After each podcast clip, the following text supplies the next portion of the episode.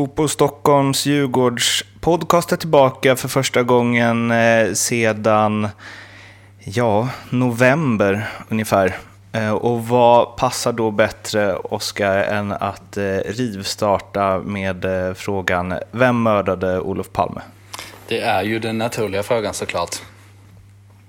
För, mm. för att, tänk vad fel vi kan ha här eftersom imorgon kommer man ju presentera det här åtalet. Och det mm. sägs ju att man har säkrat eh, revolvern. Eh, det är ju uppgifterna som figurerar. Men vi tror väl på Skandiamannen va? Jag trodde du skulle ha någon, någon ing... det var att det skulle finnas något Djurgårdens trupp här som du hade grävt rätt på. Ja, det hade varit något. Har inte Skandiamannen så här eh, blå halsduk på de där klipp, gamla klippen i och för sig? Jo. Det kanske inte skulle varit filter som släppte granskningen utan offside istället. Ja, precis. Ehm. Å andra sidan Mattias Göransson som har skrivit det där reportaget, eller han som har redakterat det där reportaget, han är ju grundare till Offside. Mm. ja. Så, så en någon koppling finns det i alla fall? Ja, det känns så. ja. Var det den, eh, den mest frekventa lyssnarfrågan vi fick när vi frågade på Twitter? Japp, det var det. Mm. Okej. Okay. Men Skandiamannen, it is? Ja, det känns så. Och Mattias Göransson eh, är ju den mest noggranna journalisten jag känner. Så eh, vi tror på honom.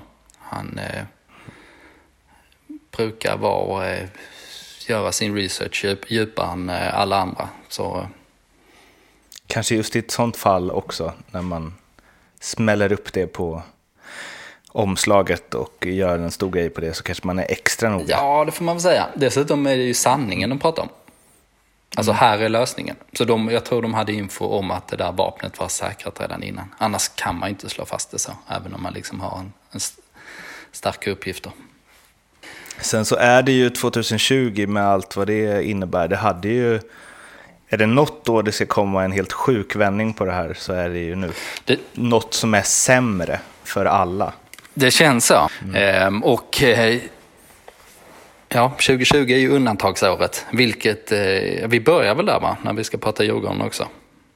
Mm, för det är ju blir lätt att man hamnar där när vi gör de här första lagavsnitten på, på lång tid. För ja, en eh, global pandemi har slagit till och det påverkar förstås allsvenskan jättemycket. Eh, den har skjutits upp som ni alla vet och det påverkar ju också klubbarna ekonomiskt väldigt mycket. Hur mycket påverkar det Djurgården?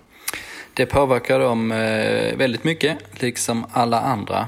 Men de kommer ju förmodligen klara sig eh, relativt bra och det är ju bara av den enkla anledningen att de har gott om pengar på banken. Och man kan ju konstatera att den här Marcus Danielsson-affären som jag tycker är den sjukaste som har gjorts eh, från allsvenskan. Alltså sjukaste någonsin vad det gäller prislapp.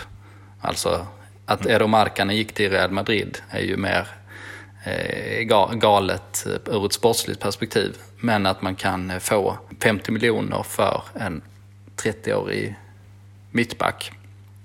Eh, det har ju aldrig hänt att en spelare har blivit så överprisad i något läge. För det är liksom från från allsvenskan har, har man ju kunnat sälja en sån spelare, en toppback från allsvenskan, 30 år liksom. Det är, ja, det är lite 10 miljoner kan man tänka sig liksom. Och i det här fallet kanske... Då, då är det mycket. Precis. Och i sånt här läge när man tänker sig, okej okay, en desperat kinesisk klubb, liksom, ja men då kanske man kan liksom 20-25 sådär.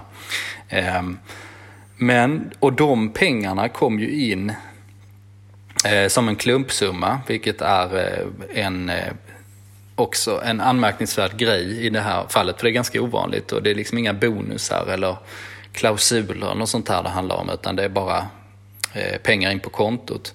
Ehm, och jag har kollat lite på det i efterhand och ofta när det spekuleras om de här summorna det vill säga att det står att de får 50 miljoner och så vidare.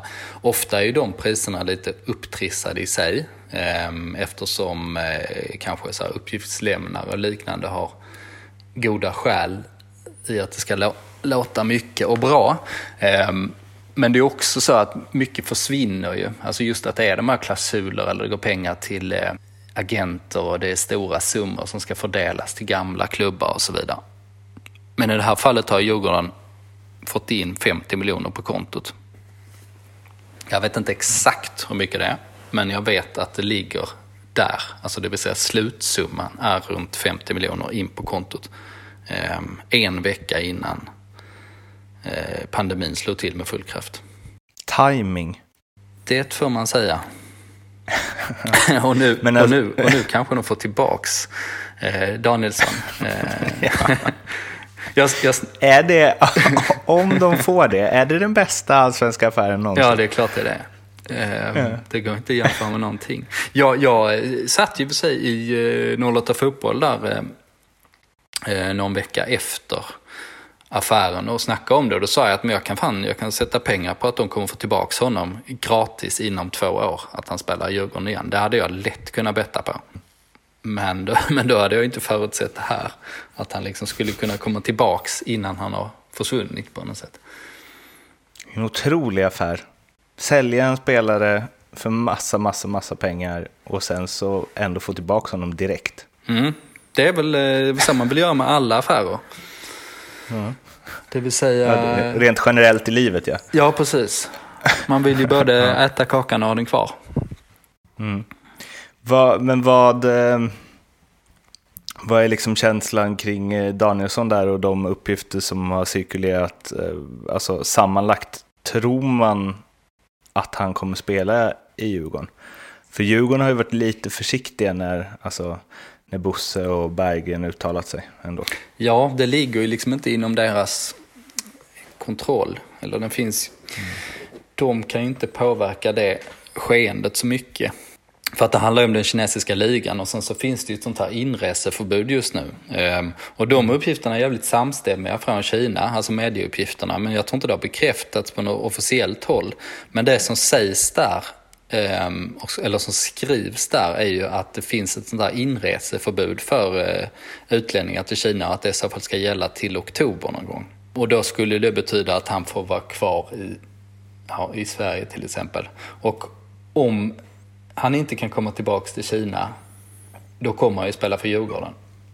Det hade ju varit en, eh, en sensation om eh, något annat hade inträffat där.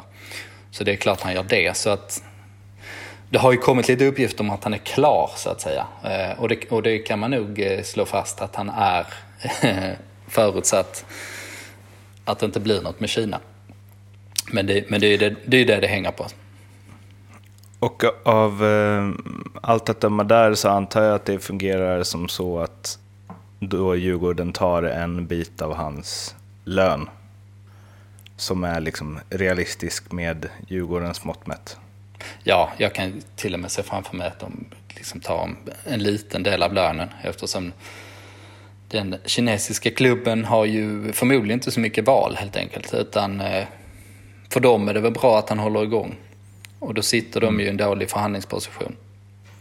Mm. Och, äh, han har väl en ganska bra lön också så det måste ju vara en liten del av lönen. Ja, ja nej verkligen. Alltså, och, det kan ju spela en jäkla roll för Djurgården om, om den kinesiska klubben säger att vi vill ha liksom 25% eller 10% eller 5% Det kan ju vara hela skillnaden för Djurgården i så fall.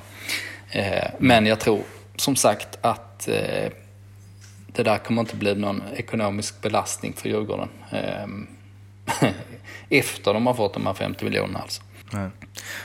Bara för att rappa ihop den delen så är det ju som du sa, alltså, jag tror aldrig jag har hört att det är liksom de pengarna det skrivs om som faktiskt eh, redovisas sen. Alltså det är alltid många, många procent som försvinner åt höger och vänster.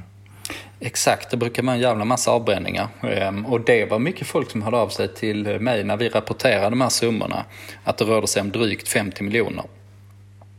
Ehm, då var det folk som vanligtvis har ganska bra koll som hörde av sig och sa du kolla upp det här för att vi har hört att det är inte alls de här pengarna som, som landar i Djurgårdens kassa i, i slutändan. Ehm, och eh, har kollat upp det som sagt och svaret var ju tvärtom. Jo, det här är helt exceptionellt, de har, de har fått pengarna. Och eh, vi kommer ju träffa Bosse idag, eh, våra kollegor eh, Ludvig och eh, Jakob från Fotboll Stockholm kommer vara på Kaknäs idag när det är en, en undantagsträning. Det är ganska sällan som man får det som media också. Men eh, då tänkte jag då kan vi fråga Bosse rakt ut eh, om de här uppgifterna. Eh, jag tror säkert att han kan eh, bekräfta det någorlunda. Och det leder oss in på nästa punkt. Att eh, vad vore egentligen eh, Djurgården idag utan eh, Bosse? Och eh, ja, skrivit eh, Bosse, Afrika och Kina. Kanske inte i den ordningen heller i och för sig. Eller? Jo, kanske ändå. Ja, precis. Eller Afrika, Bosse, Kina är väl kedjan. Mm. Ehm, just Danielsson hade inte mycket med Afrika att göra i och för sig. Men eh, sen 2013 har Djurgården alltså före Marcus Danielsson eh, försäljningen fått in 185 miljoner netto för sina försäljningar. Eh, och då ska man komma ihåg att eh, när de kom in 20, 2013 var ju Djurgården ett lag på under halvan som hade en konkursmässig ekonomi. Så det, liksom, det var inte bara så att man kunde plocka eh, Eh, spelare där och börja göra business direkt precis. Ehm, och man har inte haft någon bra ungdomsverksamhet eh, på många år. Man har inte plockat upp några egna spelare alls. Det finns, har liksom inte funnits något marknadsvärde där. Så 185 plus eh, 50 ungefär, det är ju det, det, är det vi pratar om. Ehm, och det har ju gjort att Djurgården kan vinna kuppen först, ut i Europa, vinna SM-guld och, och uh, nu till och med stå emot en liksom, coronakris i, rent ekonomiskt bättre än nästan alla andra klubbar i Sverige. Det är ju en, mm. en sån jävla prestation måste man säga. Alltså, för att man visste vad liksom Bosse gick för när han kom tillbaks till Djurgården, men att det skulle gå så här är ju... Eh, ibland, ibland undrar jag hur han gör alltså. Väl... för han är liksom, han är inte den mest självklara, alltså så här, om man bara träffar en person en gång eller ett par gånger av liksom sportcheferna i Allsvenskan och man inte har någon bakgrundsinfo där. Det är svårt att gissa att det är just Bosse som skulle vara den här. ja, exakt. Nej, man, man, nej, verkligen. Man tänker att han är liksom alldeles för eh, flängig liksom, och för mycket uppstuds för att man ska vara mm. strategen. Mm. Eh, men det skenet bedrar ju uppenbarligen. Ehm, och jag har också funderat jävligt mycket på det. Hur fan, hur fan gör han egentligen? Um, och nu är det ju mycket, nu har han ju Henrik Berggren vid sin sida alltid. Um, som är den mer eftertänksamma typen. Men jag tror Bosse, att han är så jävla rätt fram i alla situationer. Att han hinner inte säga hej innan han har presenterat sitt förslag på något sätt. Uh, och det funkar mm. väl inte alltid, men det funkar så pass ofta. Så, uh, mm. nej, jag vet inte. Det är väl en osvenskt uh, sätt att vara, kan man säga, om man ska generalisera lite. Jag gillar det att han har sin, även om jag inte förstår det, så jag gillar att han har sin egen stil. Att det är något som så här, det funkar uppenbarligen fast man inte tror att det funkar. Mm. Det, är, det, är, det är härligare på något sätt än något som man bara kan förutse att ja, det är klart att det funkar. Alltså så här, att Henrik Berggren har koll på siffrorna kan man ju slå fast efter att ha träffat honom en gång. Mm. För hela hans aura är det. Ja. jo men det är det. Det är ju en, en gnetare. Det är ju... Men eh, ja, nej, absolut. Och, och eh, om man tänker på Afrika där. Bosse hanterar ju hela paketet eh, på något sätt. Alltså mm. dels kan han göra bra business men han, han klarar det här kontaktskapandet också. Eh, märktes mycket nu. Jag var ju nere i Sydafrika på Djurgårdens träningsläger i, i januari. Eh, vilket känns som ungefär eh, som tio år sedan ungefär. när, vi, när vi blickade fram mot säsongen och eh, höll på med det där vi brukar göra. Um, och där, nu har han varit i Sydafrika mycket, men då kände han ju eh, eh, allt och alla där. Det var liksom, eh, det var en eh, Sydafrikas största tränare, eller en av dem i vart fall, som var där och satt och snackade med Bosse varje dag. Och sen var det eh, någon kille som eh, var en allmän fixare och dörröppnare i ett sånt här slumområde som låg i närheten. Och sen så var det eh, lite eh, så 14-åriga talanger som han hade tydligen träffat tidigare. Och och sådär. Så han har ju uppenbar, uppenbarligen klarat alla de delarna som krävs för att man ska kunna värva spelare från Afrika och göra det på ett, på ett bra sätt. Det är dock en sak som jag inte är förvånad över, att han kan snacka med en fixare i sydafrikanska slumområden. Ja, men så... Där känns, det är jag inte förvånad över. Den känns det som han har. Jo, men så är det Det är mer den andra sidan jag är förvånad över. Liksom så här, de som sitter på alla pengar. Ja, exakt. Nej, och den kan man ju eh, förundras över som sagt. Men han eh, liksom bara mitt, mitt i ett samtal bara lägger på. Till det. ja. ja, verkligen. Eh, ja, vi, ska, vi ska prata lite om eh, truppen också. Där eh, det ju eh, kan, som vi varit inne på, komma att ske en stor förändring. Vi har varit inne på eh, huruvida Marcus Danielsson kommer spela i Djurgården eller inte eh, den här säsongen, eller åtminstone fram till eh, Kina slår upp sina portar igen. En annan stor grej med eh, eh Djurgårdens backlinje då, då, som ju var så stabil i fjol, är ju att eh, Berg flyttar in igen. Han gör ju det. Han, han är ju eh, matchklar nu faktiskt. Vilket man inte ja. sett framför sig. Um, om man backat bandet till den här parallella världen som pågick fram till uh, mars. Um, nej men han ska vara matchklar och uh, det är ju uh, väldigt märkligt där för att jag har ju funderat på vem, vem ska spela bredvid Une. De måste ju plocka in en mittback här. Men nu skulle det kunna bli Danielsson Berg som spelar. Och det är ju eh, ett eh, otroligt bra mittbackspar på pappret. Eller Danielsson vet vi, det är bara att stoppa in och så är det ehm, ja, den bästa mittbacken till och med i allsvenskan. Ehm, och av dem som kan utmana honom, då är ju faktiskt Erik Berg ett av få namn. Så eh, det ser jävligt intressant ut. Men, men man ska väl också vara, inte dra för långtgångna slutsatser av det. Med tanke på att Erik Berg har kommit tillbaks tidigare och gjort sina comebacks och sen så har han fått lite sådana där följdskador eller bekymmer på det där knät som strular.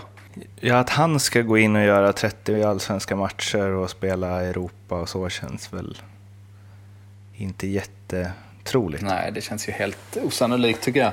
Eh, särskilt när man har det här matchschemat. Man, det kommer ju vara det här exceptionellt täta schemat med två matcher i veckan under två och en halv månad eller något sånt där. Ehm, och sen efter det då kopplar man på Europaspelet.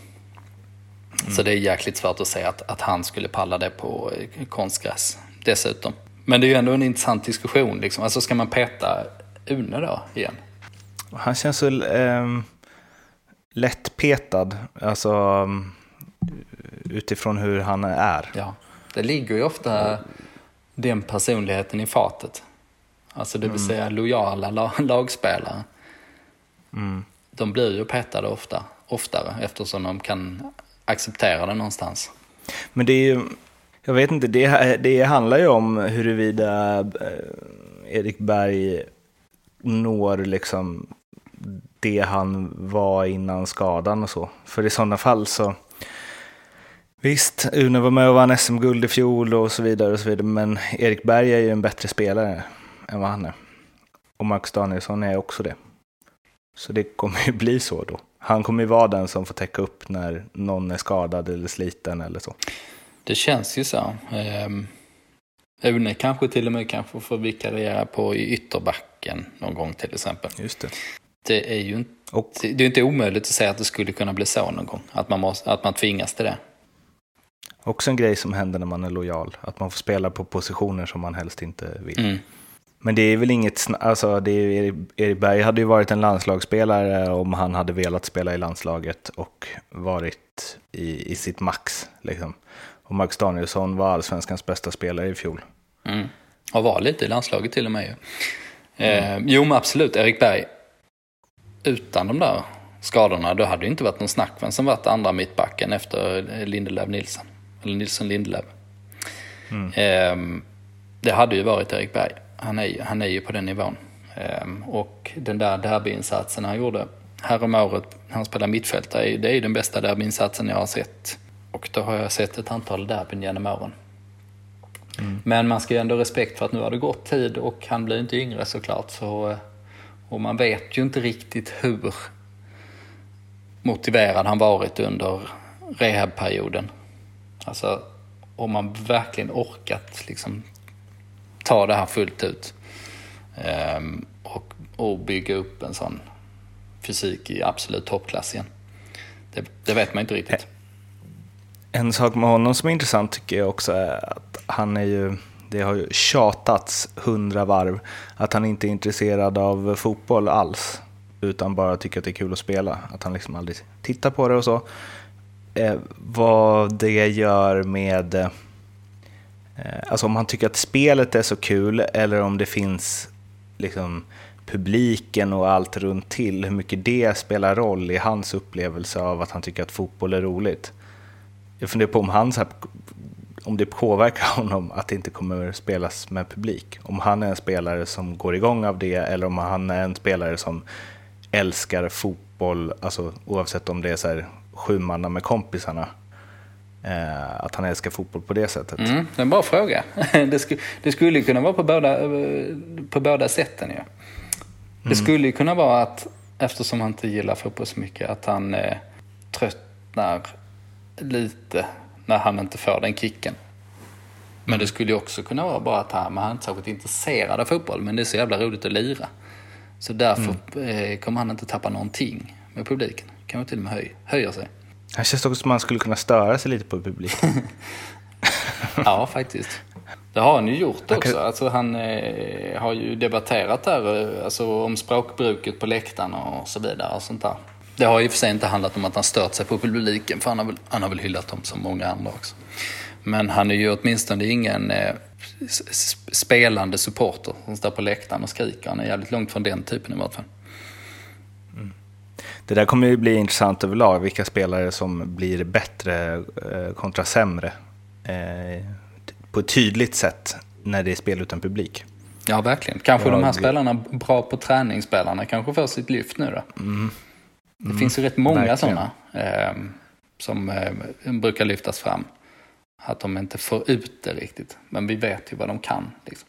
Ja, jag har en lista, kan vi ta någon annan gång. Mm. Eh, men ehm, förutom den eh, frågan då kring truppen så finns det ju en eh, annan truppfråga som är ganska viktig när eh, Djurgården ska in i eh, Europaspel också eh, senare i år. Och det är ju förstås bredden. Och Oskar, på tal om bredden då, så har ju du tagit ut eh, två Djurgårdsälvor där vi ska kika lite på hur ja, andra laget får man väl säga står sig. Ja, det är andra laget som är det intressanta här. Ehm, för att eh, dels tror jag för de flesta har vi koll på hur första laget ser ut i stora drag. Ehm, nej, men tesen som jag har är ju att, eh, eller som jag har, men som är ganska lätt att eh, dra inför den här eh, märkliga säsongen där det finns mycket osäkerhet är ju att eh, bredden kommer bli viktigare. Eh, man spelar som sagt två, två matcher i veckan. Ehm, om det går bra för Djurgården i Europa kommer man spela två matcher i veckan i stort sett hela säsongen. Det kanske blir lite lugnare mot, precis mot slutet av serien sådär, men annars är det ju eh, tätaste spelschemat någonsin. Ehm, och klubbarna har inte kunnat parera detta alls. Ehm, man har inte kunnat bygga någon trupp utifrån det. Ehm, och ja, nu skulle man ju kunna slå till med nyförvärv, men det, men det finns ju eh, liksom inget, inget utrymme för det hos klubbarna. Det är ju stålbad som gäller. Och i den här eh, parallella världen i Sydafrika i januari, då tog jag ut den första elva och den andra elva. De, de står sig väl hyfsat fortfarande. Då har jag eh, 4-3-3 formationer. Och eh, första laget då, eh, Vajo i mål, eh, Vittri, Une Larsson, Danielsson, Check i backlinjen. Eh, då byter vi ut Danielsson mot Erik Berg där eh, eftersom vi inte vet hur det blir med Danielsson. Eh, mittfält Jesper Karlsson, Fredrik Ulvestad, Curtis Edwards. Anfall, Jonathan Ring, Emil Kujovic, Niklas Bärkroth. Curtis Edwards kanske man ska byta ut mot Astrid Ajdarevic som har enligt rapporter sett bra ut. Och eh, Kalle Holmberg kanske man ska stoppa in i första elvan. Om de, och man kanske gör 4-2-3-1. Men i stora drag så där tänkte jag. Och då har vi ju en andra elva. Vill du läsa upp den då? Då är det Bråtveit i mål, Radetinac, Alexander Abrahamsson, Augustinsson, Linus Tagesson i backlinjen. Mittfältet, Walker, Banda, eh, Ajdarevic och sen en trea på topp med Oskar Pettersson, Holmberg och eh, Chili. Och ja, som sagt, som du sa, det går ju att flytta lite där om man vill förstås, lite beroende på uppställning och så. Men det är väl eh, ganska tydligt i alla fall. Mm. Jag måste säga att um, en, två, tre, fyra, fem, ja, det är väl fem spelare där kanske. Som man känner sig trygg att rotera med. Precis, det är, väl, det är ganska lätt att se styrkeförhållanden ungefär. Eh, mittfältet är ju bra får man säga. Mm. Eh, Walker, Banda, Ajdarevic. Eller om vi byter ut Ajdarevic mot Curtis Edwards. Eh, men eh, det där är inget problem att eh, rotera med. Om man säger att man möter liksom Falkenberg på, på hemmaplan så kommer ett sånt mm. mittfält stå sig bra i en, i en veckomatch. Anfall är inte så dumt heller. Där finns en del alternativ. Oskar Pettersson har väl enligt rapporterna gjort det rätt bra nu på slutet på träningen. Tagit en del stora steg. lite osäker i och för sig om han är, om han är klar så att säga. Chili eh, borde ju komma igång nu tycker man. Det borde vara hans eh, säsong. Um, och han kanske är den här bra på träning, spelaren också. Alltså det lilla man... Där man ser det lite man svagheter, det är ju, det är ju backlinjen. Radetinac är ju en, är en bra högerback. Eh, som kommer att klara sig fint där. Linus Tagesson i nödlösning på vänsterbacken och det beror på att det finns så få innerbackar att Augustinsson har klivit in där. Så att det är fortsatt behov av en mittback är ju ganska klart. Ja, som ju då skulle kunna vara Danielsson. Ja, fast eh, det är ju inte riktigt det ändå. För att eh, man, behöver, man behöver en gubbe till om man ska sätta upp ett Djurgården 2. För att eh, Augustinsson tycker jag man ska ha som eh, vänsterback. Och eh, Alexander Abrahamsson Mm, vet inte riktigt var han står någonstans. Men visst, om han skulle visa sig att han är klar för att hålla en, en okej okay allsvensk nivå, då är, man, då är man rätt säker. Då ser, det, då ser det rätt stabilt ut totalt sett. Men ja, nu tänker jag i och för sig utifrån, det var för att du tog Falkenberg, all respekt Falkenberg, men som exempel där att, att Djurgården inte ska kunna rotera på de tre mittbackarna i sådana fall, förutsatt att de håller sig normalt friska och sen att de har Augustinsson som backup ifall det skulle behövas. Tror du inte det räcker? Jo, det gör det kanske. Um, det har du eh, nog en poäng i. Men, eh, man, men man kan väl se åtminstone liksom vilka lagdelar där man är lite sårbara, mm. där man inte klarar att det händer mm. märkliga grejer.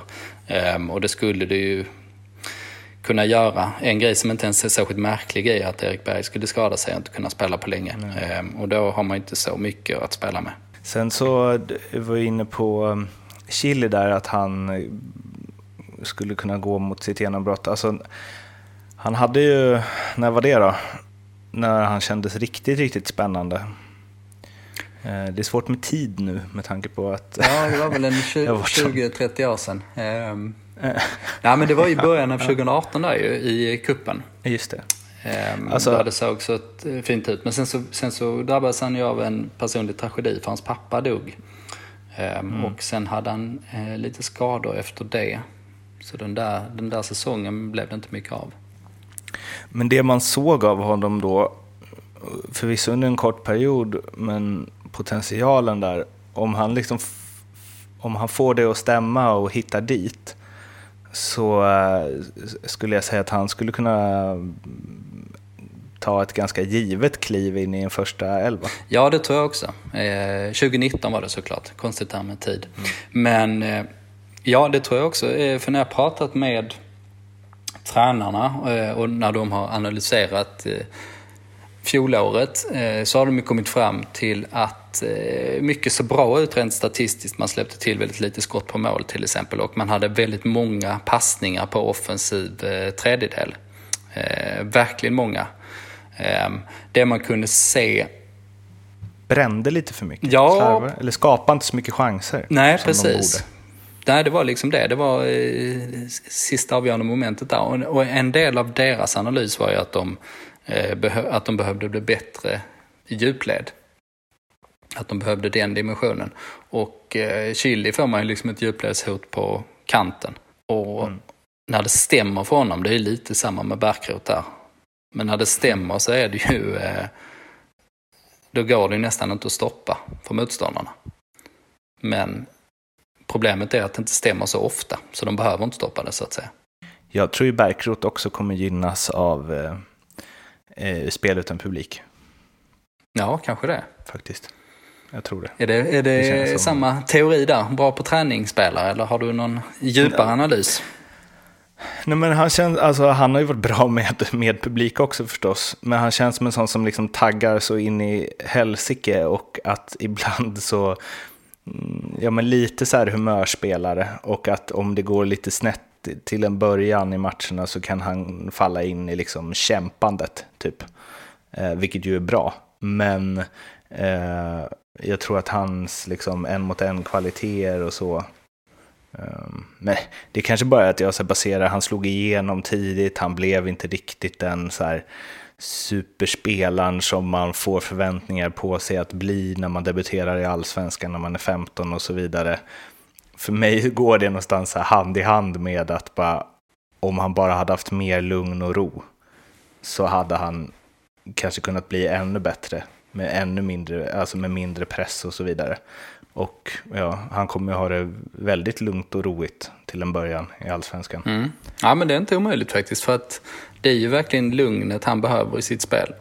Beslutsfattandet på slutet. Eh, också en sån sak som tränarna, som jag har snackat med Tolle om till exempel, att eh, ja, men det är det Bärkroth behöver eftersom han har så mycket annat. Eh, sen är ju det det svåraste som finns såklart. Att göra det där med den hastigheten och, och träffa rätt. Eh, det ser man ju även på värld, världsnivån att det är många, många spelare som inte riktigt behärskar det. Ehm, men eh, ja, nej men varför inte? Innan vi går in på lite spaningar kring Djurgårdens eh, kommande säsong och lite eh, lyssnar slash följare på Twitter-frågor så ehm, måste jag bara ta upp en grej nu när vi ändå är inne på trupperna. För jag såg eh, när Robert Laul och Simon Bank satt i Afton, eller Sportbladets TV och pratade om Djurgården och eh, de hade betygsatt Djurgårdens trupp med 3 plus. Um, och då är det liksom för, då är förutsättningen att Marcus Danielsson inte kommer då. Och Laul tryckte ganska mycket på att eh, eh Kim och Tolle fick den här laget att överprestera i fjol. Eh, och överprestera ganska mycket. Och att de inte har liksom Ja, att det var en, tränare, en tränargärning till stora delar som fick, i, fick fjolårets Djurgården att bli ett uh, guldlag. Jag kan tycka att det är lite klurigt det där med överprestera. För att någonstans så, eh, de har ju den kapaciteten då, uppenbarligen. Eftersom de presterade det. Mm. Sen så att de kanske liksom höll en, en hög nivå under hög eller lång tid, absolut. Men jag vet inte, Jesper Karlström är ju så bra som han var i fjol. Det är inte så att han, de gjorde något helt magiskt med honom som gjorde honom att han bara kommer att dansa en säsong. Var, var det här 3 plus, var det liksom i eh, ett totalbetyg på truppen? Mm.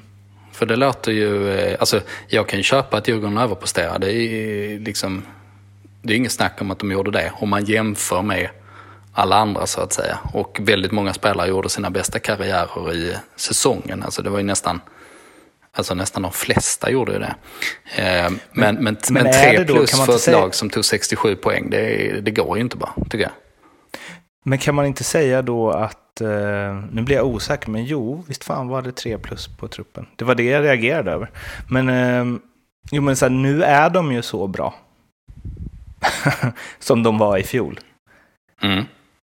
Eller? Du kan inte, man kan ju inte säga så här att, alltså nu har de ju presterat det. Så nu är de ju så bra. Nu är det den förväntningen man kan ha på de här spelarna. Eller tycker du att de gjorde liksom ett helt sens... Alltså, jag tycker att börja så överprestera, då gör du ju någonting du inte har kapacitet till att göra. Typ. Alltså, nu har de gjort det. Så nu är alltså, det är ingen överprestation. Om de hade gjort exakt samma sak i år, så är det ju ingen överprestation. Du, du kommer aldrig få ihop det här resonemanget. Nej.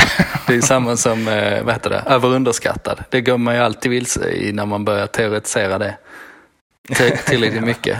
För du vet att om, en, om en spelare blir till, till, om tillräckligt många säger att han är underskattad, då blir han ju snarare överskattad istället. Eh, nej, men jag fattar lite vad du far efter. Eh, jag ja. landar väl någonstans i, mitt emellan, helt enkelt. Jag ser ju helt annorlunda på Djurgårdens 11 i år än vad jag gjorde inför fjolåret. Jag tycker att de är mycket bättre nu. Och, det är ju för att de, det är det de har, alltså det är det de har med sig sedan i fjol. Mm. Det här är ett, kommer Marcus Danielsson in så är ju det här ett guldlag. Ja, det, typ. ja men det är inte... Alltså, alltså boja visst, men liksom... Mm. Så kommer Kalle Holmberg in istället. Han har också vunnit skytteligan, ja. allsvenskan. Nej, jag ser ja, inte exakt. det som ett guldlag på det sättet. Eh, utan jag ser det som ett, eh, min definition är mer så här Europa, Europalag. Eh, att om de gör en bra säsong så bör de ju vara topp tre, topp fyra. Men, det är, men de har ju absolut eh, chansen. Vi har ju dessutom hittat lite intressant statistik. Mm. Eller hittat och hittat. Vi och vi. Du, du kan ta den. ja, eller inte ens jag. Jag har inte hittat någonting. Men eh, kom på det i vart fall. Att i Sydafrika för tio år sedan, det vill säga i januari i år, så eh, gjorde jag en längre intervju med Kim Bergstrand och då tog han upp den här statistiken som jag inte hade hört fram tills dess och eh, som sen uppenbarligen fallit i glömska. Men Djurgården gjorde alltså 23-1 på de sista halvtimmarna i Allsvenskan i fjol. Enligt Kim Bergstrand. Eh, jag har inte dubbelkollat informationen. Men vi får väl utgå från att det stämmer. Men det är ju eh, exceptionella siffror såklart.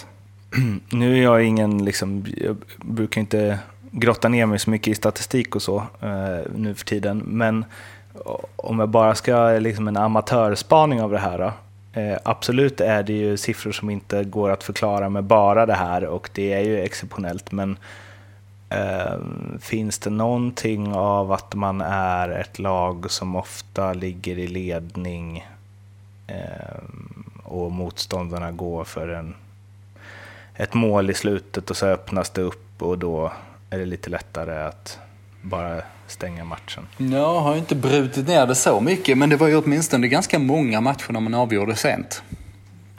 Mm. Där det var riktiga avgörande. Marcus Danielsson hade väl ett gäng matcher? Ja, han hade ju det. Bara den faktorn, eh, apropå mm. marginaler. Om man tänker sig till exempel MFF bommar sex raka straffar. Mm. och eh, Daniels... Underprestation. Ja, det får man säga. Eh, dock inte rekord i Malmö, för att eh, vår kollega Olle Törner eh, drog fram att IFK Malmö hade missat nio raka straffar vid något tillfälle. Det är då, då skulle jag säga att de är så dåliga på straffar. Det är bara en prestation. Ja, precis. Det går inte... Att missa nio raka straffar, det går, går nog knappt liksom sannolikhetsmässigt. Eh, men, eh, nej men 23-1 alltså och eh, enligt eh, ja, alla vi har snackat med i Djurgården så har man ju fortsatt eh, mycket med fysen under våren och att man har ett eh, tydligt fokus på det. Ehm, det man, eh, Kim och Tolle gillar ju att se på eh, de internationella trenderna. De känns inte som att de här, de här liksom hipstriga tränarna som ska nörda ner sig i detaljer Eh, de känns inte som att de är den gamla GH-skolan eh, där man bara håller sig till eh, grunderna utan de känns som de har lite både och på något sätt. Så de är ganska intresserade av vad som händer liksom i, i den stora världen och, och i, plocka lite från det. Och då har de ju tittat en hel del de senaste åren på Liverpool och då har de väl varit rätt ute får man väl säga med tanke på Liverpools utveckling. Ehm, men då är ju den här löpkapaciteten är ju en, en stor faktor. Eh, och då har man försökt anpassa träningen mycket eh, eh, enligt det.